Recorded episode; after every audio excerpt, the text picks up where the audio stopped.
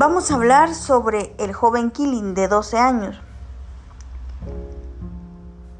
que no acepta ingresar a una unidad psiquiátrica después de ser arrestado por allanar un supermercado. Su madre se refiere a que está agotada y que es muy difícil poder criar a un niño que no conoce las normas. Desde muy pequeño, Kili era un niño agresivo, acosaba a sus demás compañeros, les quitaba las cosas a los demás niños, le contestaba a su mamá, a su padrastro y a sus demás profesores. Él sentía que insultar y golpear podía conseguir todo lo que él quería, sin importarles los castigos que le dieran. Era disruptivo, impulsivo e inquieto. A Kili le diagnosticaron el trastorno de déficit de atención e hiperactividad.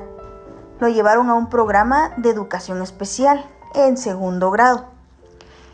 Cuando estaba en cuarto grado empezó a ir una semana con el psiquiatra. Pero cuando él iba empezó a insultar al psiquiatra. En una de estas visitas lo llamó de idiota. El psiquiatra, preocupado por él, miraba sus conductas que realmente no eran buenas. La madre y sus profesores coincidían en que este joven era encantador con otras personas que no lo conocían. Aparentaba ser un dulce ángel, pero realmente era todo lo contrario. Las personas luego se daban cuenta que realmente era un tramposo y un mentiroso.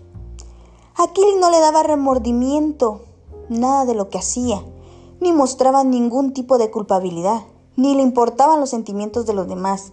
Era arrogante, agresivo, impulsivo. Tomaba todo lo que no era de él. Al verse que tenía un mal rendimiento, tendía a decir, ¿y qué vas a hacer? ¿Vas a pegarme? ¿Vas a hacerme algo? Al final él no tenía miedo porque él no seguía normas. Según él, todo lo que hacía estaba bien. Kili vivía con su madre y su padrastro y tenía dos medios hermanos, a los cuales insultaba y maltrataba como él quería. El joven Kili ha presentado trastornos de personalidad, que son trastornos de desconfianza y suspicacia, de manera que se interpreta con las intenciones que los demás como malévolas. También el trastorno de la persona del límite, que es un patrón de inestabilidad en las relaciones interpersonales, lo que tenía Kili. Él no tenía buena comunicación con las demás personas. Según él, todo se podía arreglar con golpes y estar como si nada después. También tenía la personalidad dependiente, que es un patrón de comportamiento de sumisión y atención, que esta viene relacionada con una necesidad excesiva de ser cuidado. También tenía el patrón de preocupación por el orden y el, y, el, perfeccionismo, el perfeccionismo, que realmente no era el que él quisiera hacer las cosas bien, sino realmente satisfacer sus necesidades. Se puede ver que en estos niños y adolescentes también siempre van a, ver, van a existir estos patrones, en donde siempre se debe tomar en cuenta que ellos buscan llamar la atención para poder ser escuchados o de alguna manera sentirse satisfechos con las cosas que hacen. Necesitan afectividad y tener control en sus, en sus impulsos. Hay un patrón persistente que es inflexible y se extiende a una amplia gama de situaciones personales y sociales.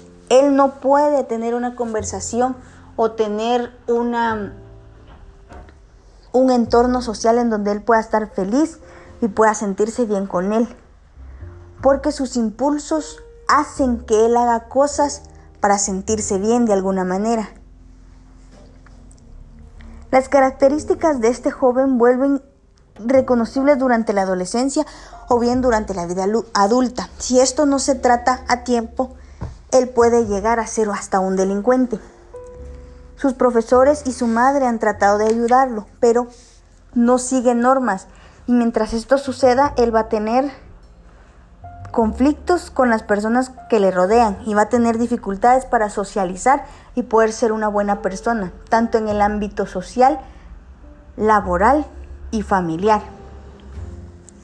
Siempre hay que tener en cuenta que estos, cuando una persona tiene una dificultad así hay que tenerlo vigilado porque puede hacer fechorías aún más grandes, puede llegar hasta matar, porque al final ellos no sienten ningún tipo de culpa, ni resentimiento, ni remordimiento a la hora de realizar estas cosas.